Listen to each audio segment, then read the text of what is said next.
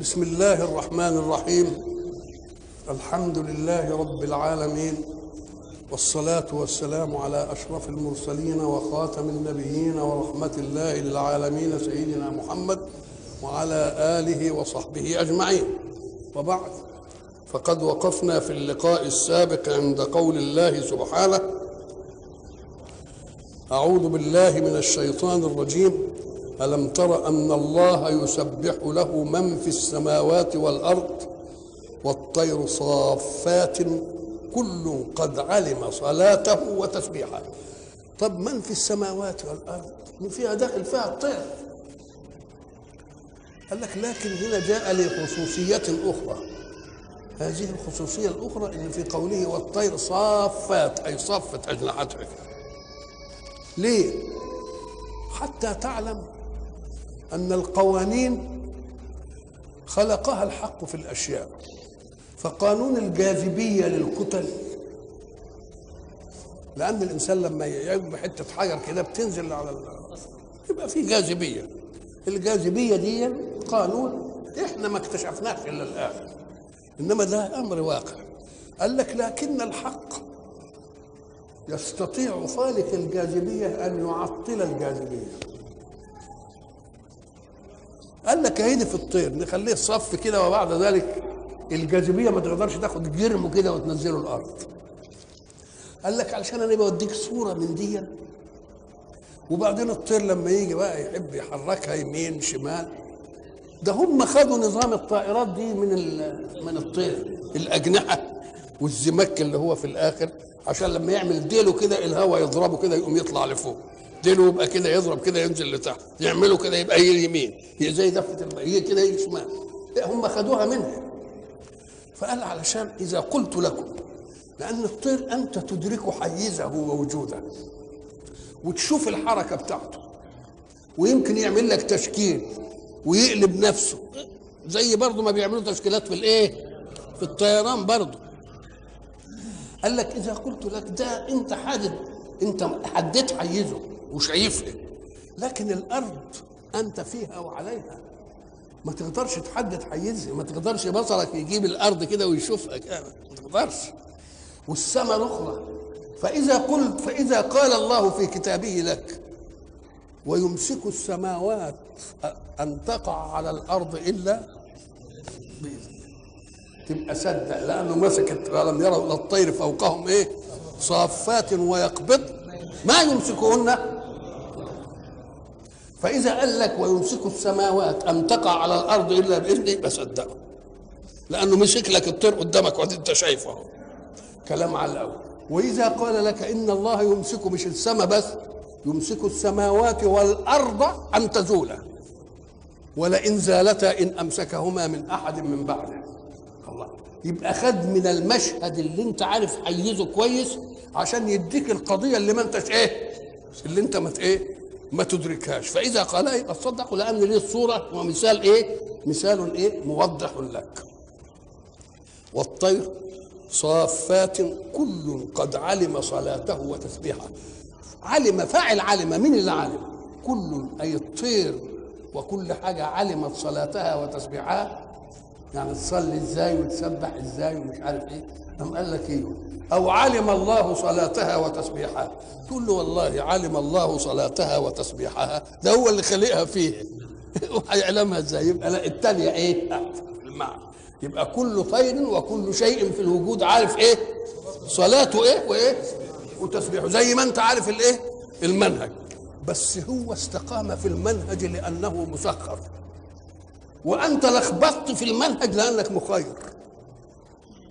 فإن أردت أن تستقيم أمور حياتك فطبق المنهج اللي ربنا عامله. زي الكون كله ما مطبق المنهج لأنه مسخره ولا تجد في الكون خللا. الخلل بيجي فين؟ الخلل بيجي منك أنت أيها الإنسان. أي حاجة ما تنحشرش أنت فيها ماشية سليمة. الحاجة اللي أنت بتنحشر فيها يا تنحشر فيها على منهج الله إما انحشرتش على منهج الله تفسدها ولا ما تفسدهاش. الشمس ما جابتش يوم قالت لا والله أنا مش طالعه على أولاد الإيه دول. والهواء ما وقفش. كل حاجة ماشية بإيه؟ وبحساب. وبعد ذلك يحسبوها. وأهل الأرض يحسبونها حساب ويرتبوا عليها صناعتهم. يقول لك هتدور قد كده وتمشي قد كده وتلتقي العربة دي بالمش عارف إيه. وده يلتقي بإيه؟ حساب مضبوط ولا لأ؟ لو ما كانتش هي نفسها محسوبه كانت تنضبط الحساب وياها لازم. ولذلك يقول لك الشمس والقمر؟ بحسبان. ولما هي اتعملت بحسبان يبقى إحنا عملناها حساب علشان كده. ليه؟ لأنها هي إيه؟ الساعة اللي معمولة دي. بتظبط لي الوقت ولا لأ؟ طيب هي ظبطت الوقت إلا لأنها هي في ذاتها مظبوطة؟ يبقى معمولة بحساب تديك حساب دقيق. حساب ملخبط تديك حساب إيه؟ تديك حساب ملخبط. كل قد علم صلاته وتسبيحه والله عليم بما يفعلون. قيومية بقى. آه نعم. ولله ملك السماوات والأرض وإلى الله المصير. بيطمنك بيقول لك الذي كلفك بما كلفك به سابقا افعل كذا وافعل كذا وافعل كذا وافعل كذا وافعل كذا. اطمئن. ما تقولش في يوم يمكن الهوى ما يمرش. ما تقولش في يوم يمكن الشمس ما تجيش. ما تقولش في يوم ليه لأن كل دي في ملك مين؟ بملك ربك. ولا فيش واحد تاني إله وياه عشان يقول لا ما تعمليش. يبقى اطمن على إنها هتؤدي مهمتك إلى أن تقوم الإيه؟ فلا تشغل نفسك بها. آية تانية. ألم ترى؟ برضو ألم تعلم.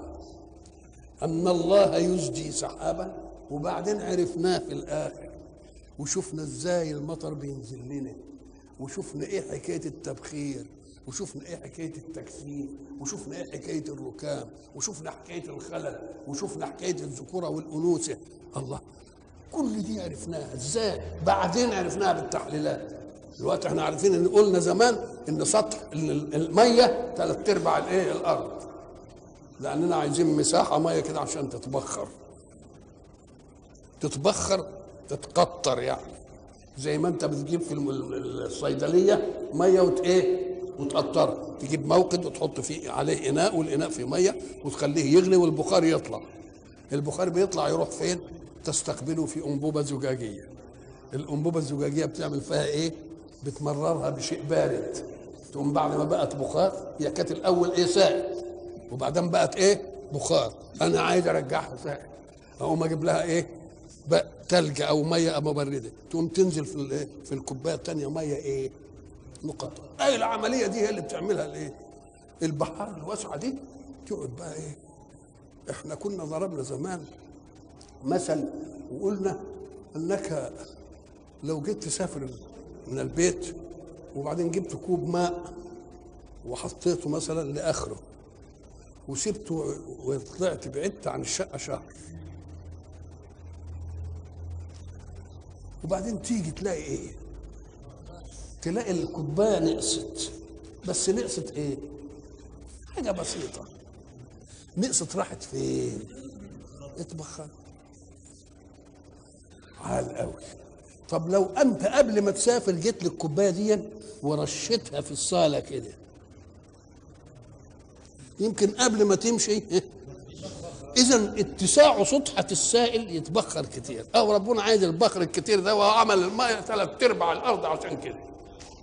وتطلع وبعدين بقى يقول لنا عليها بقى ألم ترى أن الله يزجي سحابا؟ يزجي أي يرسله برفق ومهل مش مر السحابة لا ريس ولا عجل. ألم تر أن الله يزجي سحابا؟ ثم يؤلف بينه. يجيب السحابة دي على السحابة دي. ولم يؤلف بينه. يبقى دي منفصلة عنده. اللي هيحصل فيها؟ الخلل اللي يحصل فيه اللقاح واللي هيحصل فيه ما كانش الفتوق دي ما ينزلش الودق من خلاله. يبقى كان يقدر يخليها حتة سحاب واحدة. قال لك لا يزجي سحابا يؤلفه. وما دام يؤلفه يعمل فيه إيه يعني؟ يجمعه.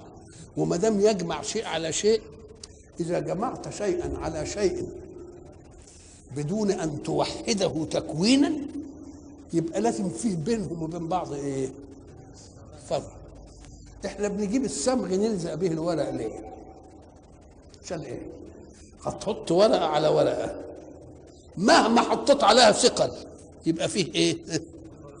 فيه فراغ. ما دام ما بقتش ذات واحدة عجينة واحدة يبقى فيه فراغ.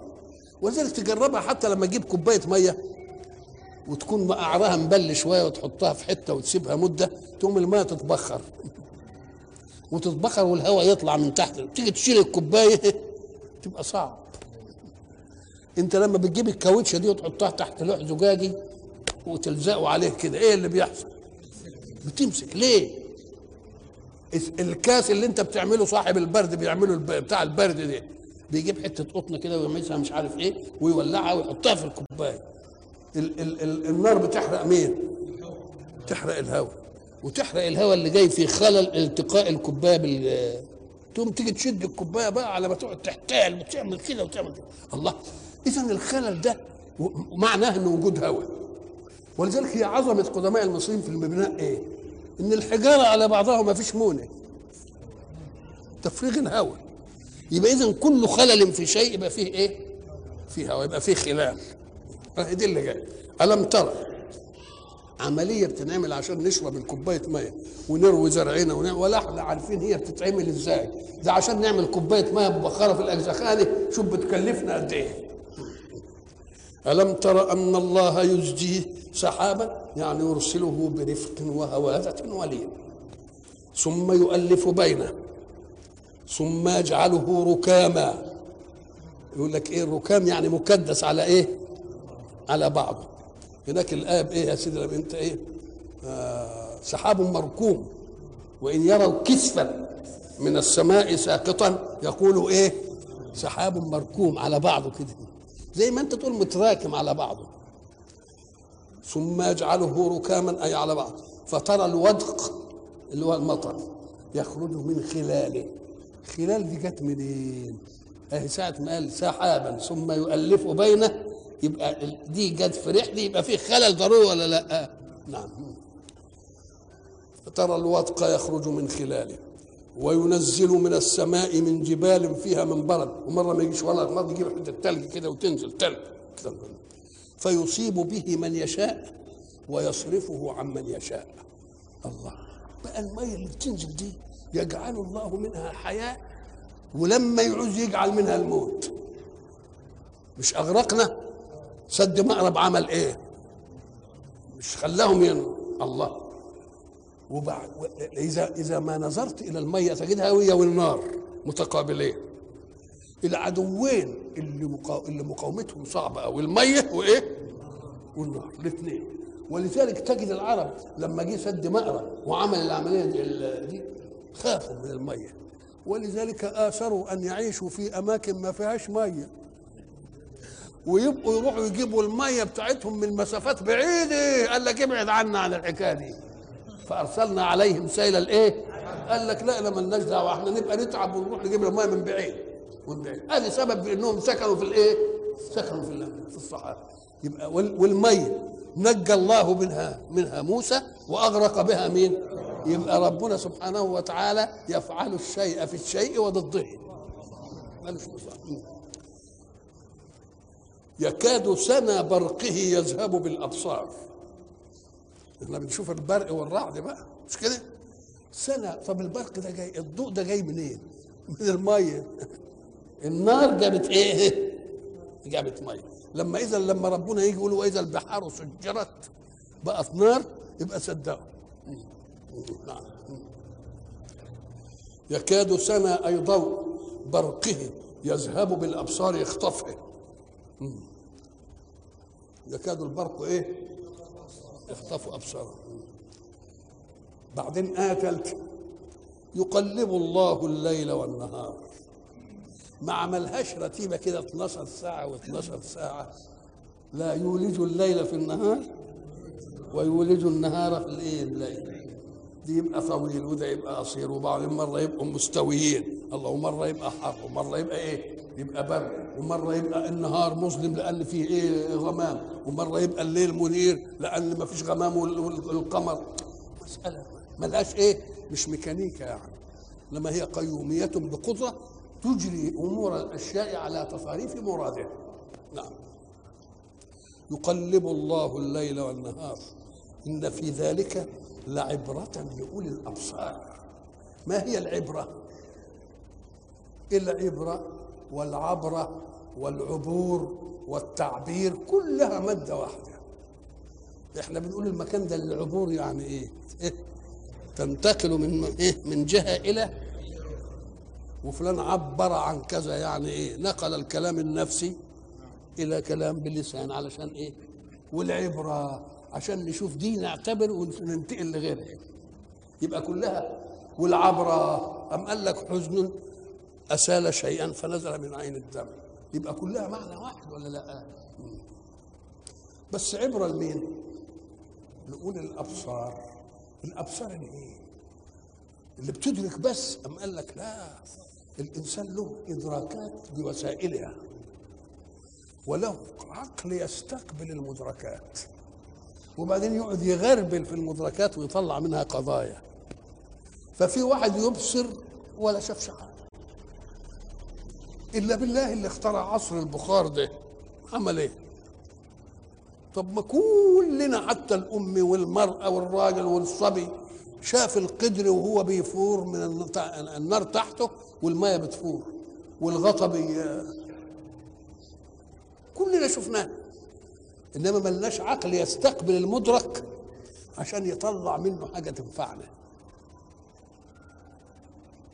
ولذلك الحق سبحانه وتعالى ينبهنا يقول أنا تركت في كوني أشياء وظواهر بتحصل عاملها علشان تشوفوها وتفكروا وتولدوها أشياء تنفعكم فالراجل اللي قاعد كده وشاف القدر الغطا عمال بيعلى. قال الله يا إخوان البخار لما المية بتغلي الميه بتنقص والبخار بيملى البتاع فالحيز يروح حيز له حيز يروح ناطر الغطا. طب ما ناخد دي نقدر اخلي تحريك الغطا دي يحرك لي آلة في عجلة كده ويمشيها وعمل عصر البخار. يبقى ربنا بيقول وكم من آية في السماوات والأرض يمرون عليها وهم عنها معرضون. كأنه يريد أن لا نعرض عن آية في الكون. لأننا لو بصينا لها بصة استقصاء وبصة دراسة وبصة فهم نستفيد منها إيه؟ نستفيد منها أشياء كثير وكل الأشياء اللي نفعت البشرية جاءت وليدة الصدفة من واحد نظر في مرئي فقعد يعمل عقله فيه ولما أعمل عقله فيه طلع لنا إيه؟ طلع لنا إنتاجات يقلب الله الليل والنهار إن في ذلك لعبرة لأولي الأبصار الأبصار التي تنقل المبصر إلى العقل ليحلله ويستنبط ما فيه من أسباب لعله يستفيد منها بشيء ينفعه في الإيه؟ اللي اخترع أول صهريج للمية إيه؟ إيه؟ مالك هو بيشوف المية بتنزل على الجبل طب المية نازلة على الجبل الجبل ما بينتفعش بها الا يا دوب مرور وبعدين تنزل فين؟ تنزل في الواطي الله إذا المية تنزل استطراق في الواطي أم قال لك الله طب أنا لو عليت شوية مية وعملت بتاع انبوبه ولا مجرى كده تنزل لي قال لك أو راح رافع شوية مية حطوهم في خزان عالي أعلى من أي عمارة. وبعدين مد مواسير. نزلت المية من الإيه؟ إيه من العيال راحت للوقت. تبقى ببيتك وتفتح الحنفية تنزل لك الإيه المية. ولذلك يقول لك المية ما بتطلعش الأدوار دي لأن أنها تبقى مش في الإيه؟ مش مش في المستوى. يبقى اذا الله خلق آيات وظواهر في الكون. لو أن الإنسان نظر إليها أو استمع إليها أو أو بتعقل وتبصر يستطيع أن يستنبط منها إيه؟ يستنبط منها أشياء. وبعدين جايب آية رابعة كمان تاني. والله خلق كل دابة من ماء. الدابة هو ما يدب على الأرض. سواء كانت الايه انعام إنسان طير وحش نمله ما هي لها دبيب مش كده برضه لها إيه شوف بقى ولذلك إيه لما يقول لك دبيب النمل طب دبيب النمله ده يبقى إيه؟ أم قال لك ده بيسمع دبيب الايه؟ إيه؟ ده يسمع دبيب النمل يبقى لها دبيب الله لأن كل شيء يضخم قابل لأن يصغر بس قد يضخم تضخيما لدرجة إنك أنت ما تدركش كله وقد يصغر تصغيرا لدرجة إنك أنت إيه؟ تقوم تعمل إيه؟ تجيب إيه؟ مكبر. علشان إيه؟ علشان تشوف. أهي النملة دي فيها كل أجهزة ومقومات الحياة. الناموسه والهاموسة دي اللي بتتعبك دي وتقعد تعمل مش عارف إيه ده فيها كل مقومات الحياة. طب التركيب والأجهزة دي ده هي كلها إيه؟ إيه كلها؟ قال لك الله. ما هي العظمة. يا تعمل الشيء ضخم فوق مستوى الإدراك يا تعمل الشيء ضئيل. دون مستوى الإدراك. ساعة بيج بنج اللي بيسموها دي هي ليه واخدة مش لأنها إيه؟ أهو اللي عمل ساعة بنج من اللي قطرها قد كده ها؟ عمل الساعة اللي بتتحط في فص خاتم. الأجهزة هي الأجهزة ولا لا؟ بس المهم الآلات الدقيقة اللي تصنع هذه الإيه؟ الأجهزة. فرب يخلق لك الفيل ويخلق لك الهاموشة. ودي فيها حياة ودي لها حركة. وبعدين يقول لك واللي فيها الهاموشة دي يمكن تؤرق فيلا. تؤرق إيه؟ تؤرق فيلا شيء. سبحان الخالق. نعم. والله خلق كل دابة من ماء. ولذلك هم دلوقتي الشيء اللي انتهوا إليه في إنهم يقتلوا ميكروب يحجبوا عنه المائية. يحجبوا عنه الإيه؟ ولذلك يقول لك فيه جروح يعملوها دلوقتي بالعسل. لأن لما انعمل العسل حجب المائيه مص المائية. يبقى الميكروب ما يلاقيش ماء والمية هي حياة يموت الميكروب. نعم نعم. والله خلق كل دابة من ماء. وبعدين الخلقة مش قوالب مش قالب كده لا ده عاملها ألوان سبان فمنهم من يمشي المشي ما هو المشي؟ المشي هو انتقال الموصوف بالمشي من حيز مكاني إلى حيز مكاني آخر هذه معنى المشي. طيب إحنا فاهمين المشي بإيه؟ بالرجلين. يقول لك لا خد بقى. فمنهم من يمشي على بطنه. مش كده؟ ومنهم من يمشي على رجلين. ومنهم من يمشي على أربع وربنا يعني بسطها لنا كده لأن القرآن معجز وموجز. ما قاليش ومنهم 44 الله. إيه العجائب دي؟ هيدا في المشي بس؟ منهم من يمشي على إيه؟ ومنهم من يمشي على إيه؟ ومنهم من يمشي على إيه؟ على أربع شيء عجيب. طيب. يخلق الله ما يشاء. يخلق الله ما يشاء. دخلت اللي إحنا قلنا عليها دي. اللي هي 44 قال لك أنا مش هستقصي بقى لأنها فوق الإيه؟ فوق الاستقصاء. وبعدين كما سخر إنسان لإنسان وسخر حيوان لإنسان يسخر بعض أجناس الحيوان لبعض. علشان مقومات حياته. أهو مثلا البتاع اللي بيسموه التمساح ده اللي في اعالي النيل. التمساح ده ساعة يفتح بقه فيأتي له طير ويدخل المنقار في بقه. ويقعد يتغذى من بق من بق التمساح. والتمساح مبسوط ومستلذ وفاتح له بقه ومش عارف إيه. يبقى غذاء غذاء الطير ده من مين؟ من الخمائر والبكتيريا اللي في إيه؟ اللي في فم التمساح. يقوم ده بقى مخزن قوته. يقوم لما يعني الطير ده يشوف الصيادين جاي اللي بيصيروا البتاع يروح مد صوت يروح التمساح نازل المية. بيحافظ على قوته بقى دي تيجي إزاي؟ إزاي دي تيجي؟ يجي مثلا القطه شفناها بعينين وبعدين إيه اللي جاء في عينيها؟ وبعدين قاعدين كده في الجنينه لقيناها راحت إلى شجرة خاصة في الاحراف كده وتروح عاملة عيناها كده ثلاث أيام وبعدين بقى ما جاتش ولقيناها فانجلت مين إيه الذي خلق فسوى والذي قدر فهدى والله خلق كل دابة من ماء. فمنهم من يمشي على بطنه ومنهم من يمشي على رجلين ومنهم من يمشي على أربع. يخلق الله ما يشاء. ليه؟ لأن طلاقة قدرة إن الله على كل شيء إيه؟ قدير.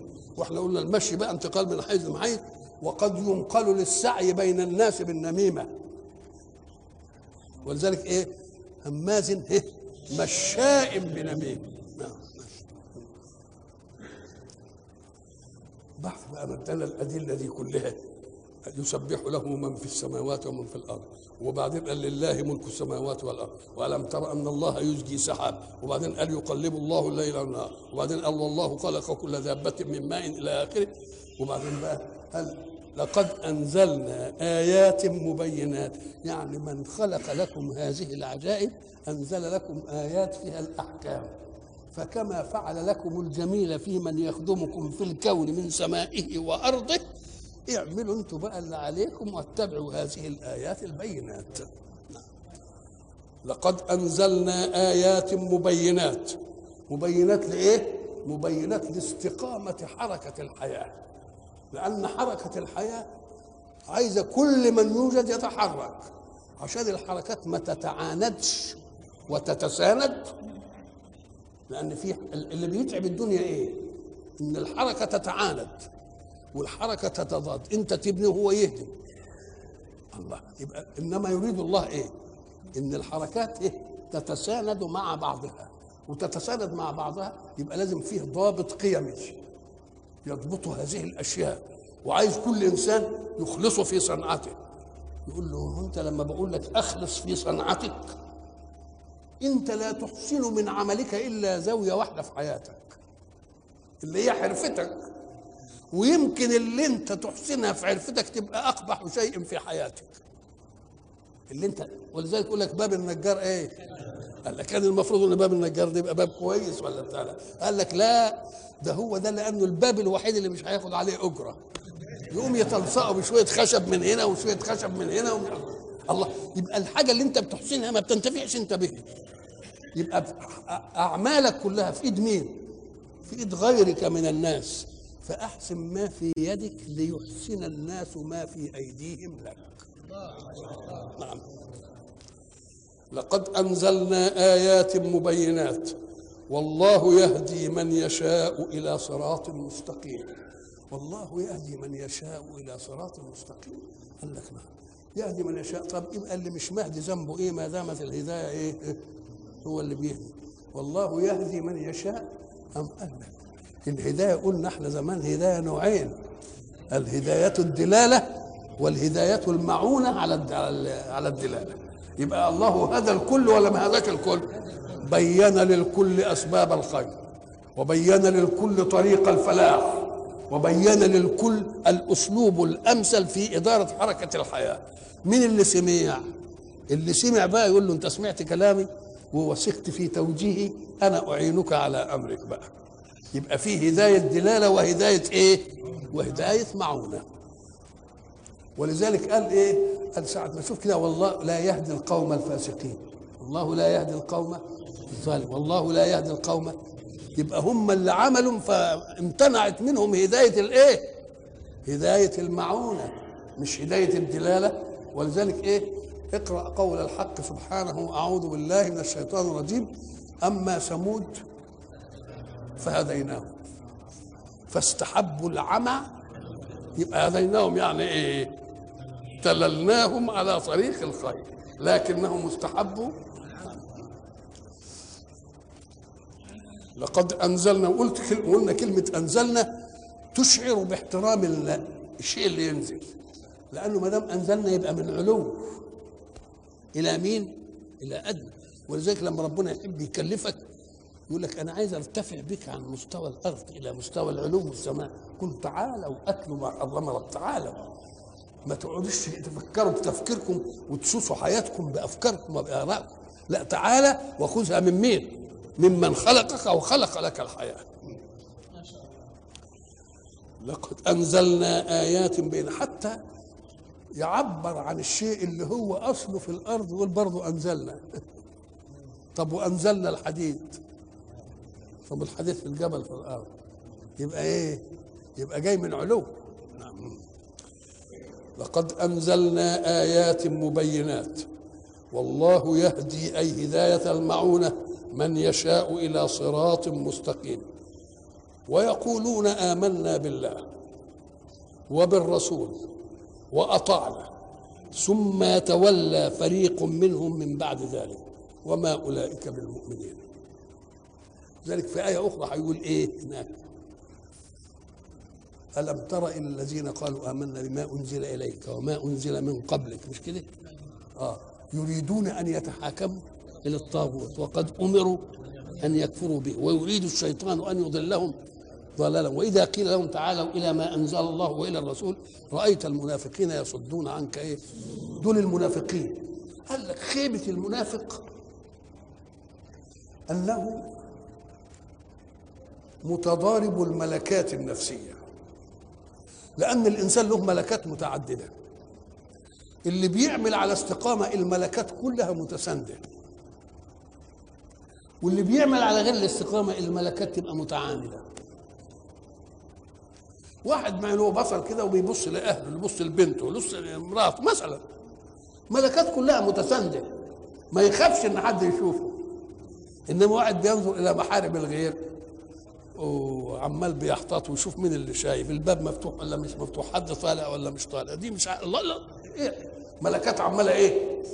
مضطربة. ولذلك يقول لك الاستقامة استسامه الاستقامه الملكات كلها إيه؟ ويا بعض. ما فيش ملكة بتتعارض مع ملكة ابدا. لكن المنافق أول حاجة إنه هو مش كذاب بس لا. إنه هو متضارب الملكات في نفسه. ليه؟ لأن قلب كافر ولسان مؤمن. ويقول لك أن كرامة الإنسان مش تكون بينه وبين الناس. قد يصنع الإنسان نفسه أمام المجتمع صنعة تخليه يعجب الكل. وهو بينه وبين نفسه شرير. يبقى هو إن كسب المجتمع الكبير خسران رأي نفسه في نفسه. وما دام الإنسان خسر نفسه يبقى ما يعوضوش أن يكسب العالم كله. ليه؟ قال لك لأن العالم مش وياه في كل وقت إنما نفسي وياه في كل وقت. أنا كبير قدام الناس على ما أنا وياهم إنما لما أقعد بقى اخلل نفسي ولاقيني حقير قدام نفسي وعملت كذا وعملت كذا خسرت إيه؟ يبقى أنت حكمت بأن رأي الناس أنفس من رأيك. لأن لو كان رأيك له قيمة كنت تحاول إن رأيك يبقى في نفسك صح. إنما أنت عايز رأيك عند الناس يبقى صح وإن كان رأيك عند نفسك يبقى إيه؟ يبقى وحش. يبقى المنافق بيعمل إيه؟ متضارب الملكة. بلسانه قال قال لك في ربنا قال يزعمون الذين يزعمون. والزعم مطية الكذب. يزعموا أنهم آمنوا بالله. وبعدين يريدون أن يتحكموا إلى الطاغوت. يبقى يريدون أن يتحكموا إلى الطاغوت. وقد أمروا أن يكفروا به ويريد الشيطان أن يضلهم ضلالا بعيدا. دي الحيثية بتاعت يزعمون أنهم آمنوا بما أنزل اليه حكم عليهم بأنهم إيه؟ يزعمون. والزعم مطية الايه كده طب ودليل إن زعم إيه؟ يقول لك يريدون أن يتحكموا إلى الطاغوت. ولو كانوا مؤمنين بما أنزل إليك وما أنزل إيه؟ من قبلك ما كانوش تحكموا إلى الطاغوت. يبقى فضحوا نفسهم. الثانية فضحت مين؟ فضحت الأولى. طب وبعدين؟ طب قال لك الكافر أحسن منه. لأن الكافر منسجم الملكات. قلبه ما آمنش ولسانه مش راضي يقول إيه. ولذلك كان ليه المنافقين في الدرك الأسفل؟ علشان كده. لأنه إيه؟ الحق سبحانه وتعالى يدينا صورة يقول لك إياك أن تحكم على المقول وحده لأن المقول قد يكون كذب. ملوش قاعدة في الباطن تصدقه. أعوذ بالله من الشيطان الرجيم. بسم الله الرحمن الرحيم. إذا جاءك المنافقون. قالوا إيه؟ نشهد أنك والله كلمة حلوة. ونشهد إن دي كلمة تنقض هو رسول ولا مش رسول؟ والله يعلم أنك. وبعدين يقول والله يشهد أن المنافقين لكاذبون. طب ده انت بتقول أنا اشهد بانك رسول وهم قالوا كده انك رسول الله. قال لك لا ده مش بيكذبهم في المقولة انك لرسول الله يكذبهم في قولهم نشهد انك رسول الله. مش المقولة صدق انما أو قولهم نشهد انك رسول الله ما تشهدوش لأن معنى الشهادة أن يواطئ اللسان القلب. يبقى يعلموا أنهم لكاذبون ما تناقضتش. لأن في فرق بين المقولة وبين ما قيلت في المقولة وهي نشهد يبقى التكذيب على قولهم إيه؟ نشهد والتصديق وقول الله والله يعلم أنك لرسوله دي للمقولة. المقولة صدق. إنما قولك نشهد هي دي اللي إيه؟ هي دي اللي اللي كده. ودي نزلت عشان واحد أظن اسمه بشر. ده من المنافقين. وكان له خصومة مع يهودي. اليهودي طلب أن يتحاكموا عند رسول الله صلى الله عليه وسلم. اليهودي طلب إنه يتحاكموا عند مين؟ والمنافق طلب إنهم يتحاكموا عند كعب بن الأشرف. اليهودي ما رضوش حكومة كعب بن الأشرف لأنه عارف إنه مزيف زيهم تمام كلهم. زي. والإنسان وإن كان مزيفا لما يبقى له حق عايز يروح للي ما يزيفش. عايز يروح لمين؟ اللي ما يزيفش. إنما هم بيزيفوا. يروحوا الكعب بن الأشرف اليهودي ده بيزيف ده ما يرضاش. فاليهودي عايز يتحاكم إلى مين؟ إلى رسول الله. وبشر المنافق عايز يتحاكم إلى كعب بن الأشرف. تغلب اليهودي وراحوا للإيه؟ لرسول الله. فحكم لليهودي. يبقى اليهودي كان ناصح وعارف إن رسول الله هيحكم بالإيه؟ هيحكم بالحق. وحكم بالحق. قام قال له لا ما أنا ما أرضاش الحكم ده. أنا نروح لكعب بن الإيه؟ الأشرف. فقالوا طب نروح لعمر نشوف إيه الحكاية دي. فذهبوا إلى عمر. قالوا يا عمر إن بشر حصل كيت وكيت وكيت وقضى رسول الله بالحق لمين؟ لليهودي وهو ما رضيش بقضاء رسول الله. قال هكذا كان يعني ما رضيش بقضاء رسول الله. انتظروا. ودخل جاب السيف بتاعه على رقبته. من لم يرضى بقضاء الله فذلك قضائي فيه انتهت المسألة.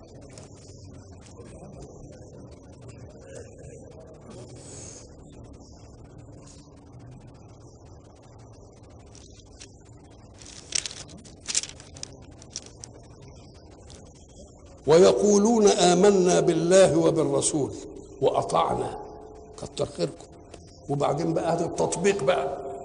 تطبيق للإيمان. لأن الإيمان اعتقاد. له وظيفة. الوظيفة إن الأعمال التشريعية تجي على وفق منطوق الإيمان. أنت قلت صحيح. آمنا بالله. وبيشوف تصرفك هيبقى إيه؟ ويقولون آمنا بالله وبالرسول. وأطعنا. أهي آمنا بالله وبالرسول وأطعنا إحنا كتر خيركم. وبعدين؟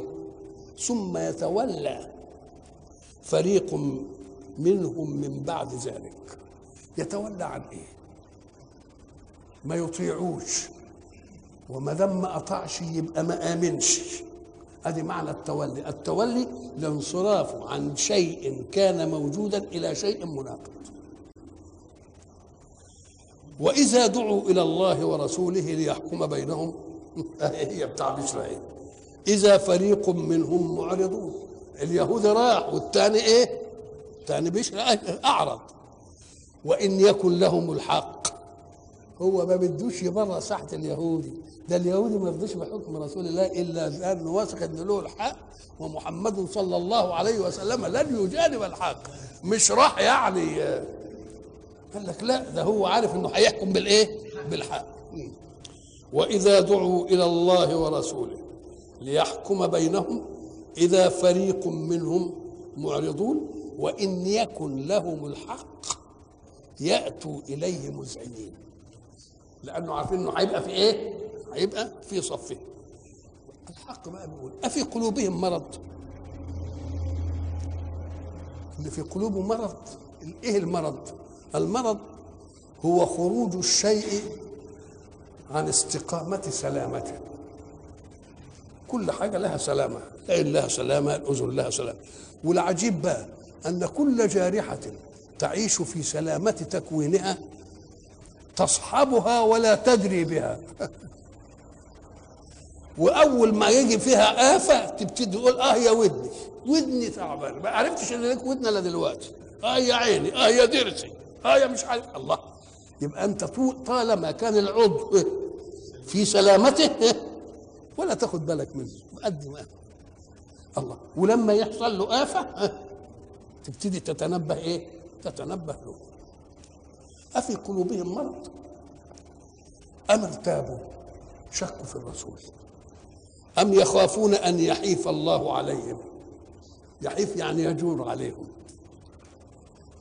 أن يحيف الله عليهم ورسوله. بل أولئك هم الظالمون.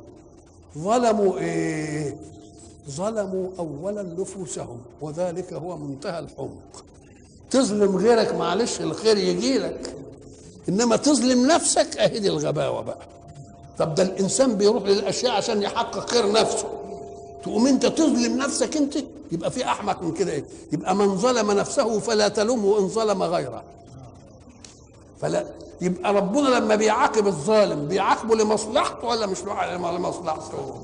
لأنه عاقب الظالم لأنه ظلم نفسه. بأن جاب لنفسه جزاء شر بعد ما كان بيمنيه الحق بجزاء خير. لكن المؤمنين بقى بيجيب المقابل بقى.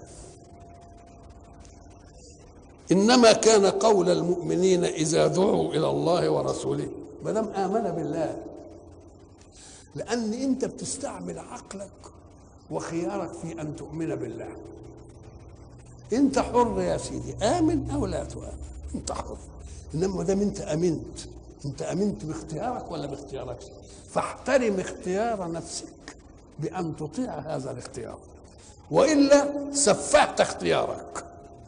لما تؤمن بشيء وأنت مختار أن تؤمن أو لا تؤمن وبعدين الشيء ده يقول لك اعمل كذا ولا تعملوش تبقى انت سفهت إيه أنت سفهت اختيارك. يبقى أنت اللي اخترت. يبقى إذا كنت أنت صحيح مختار صح كان اللي يقول لك عليه إيه؟ تعمله.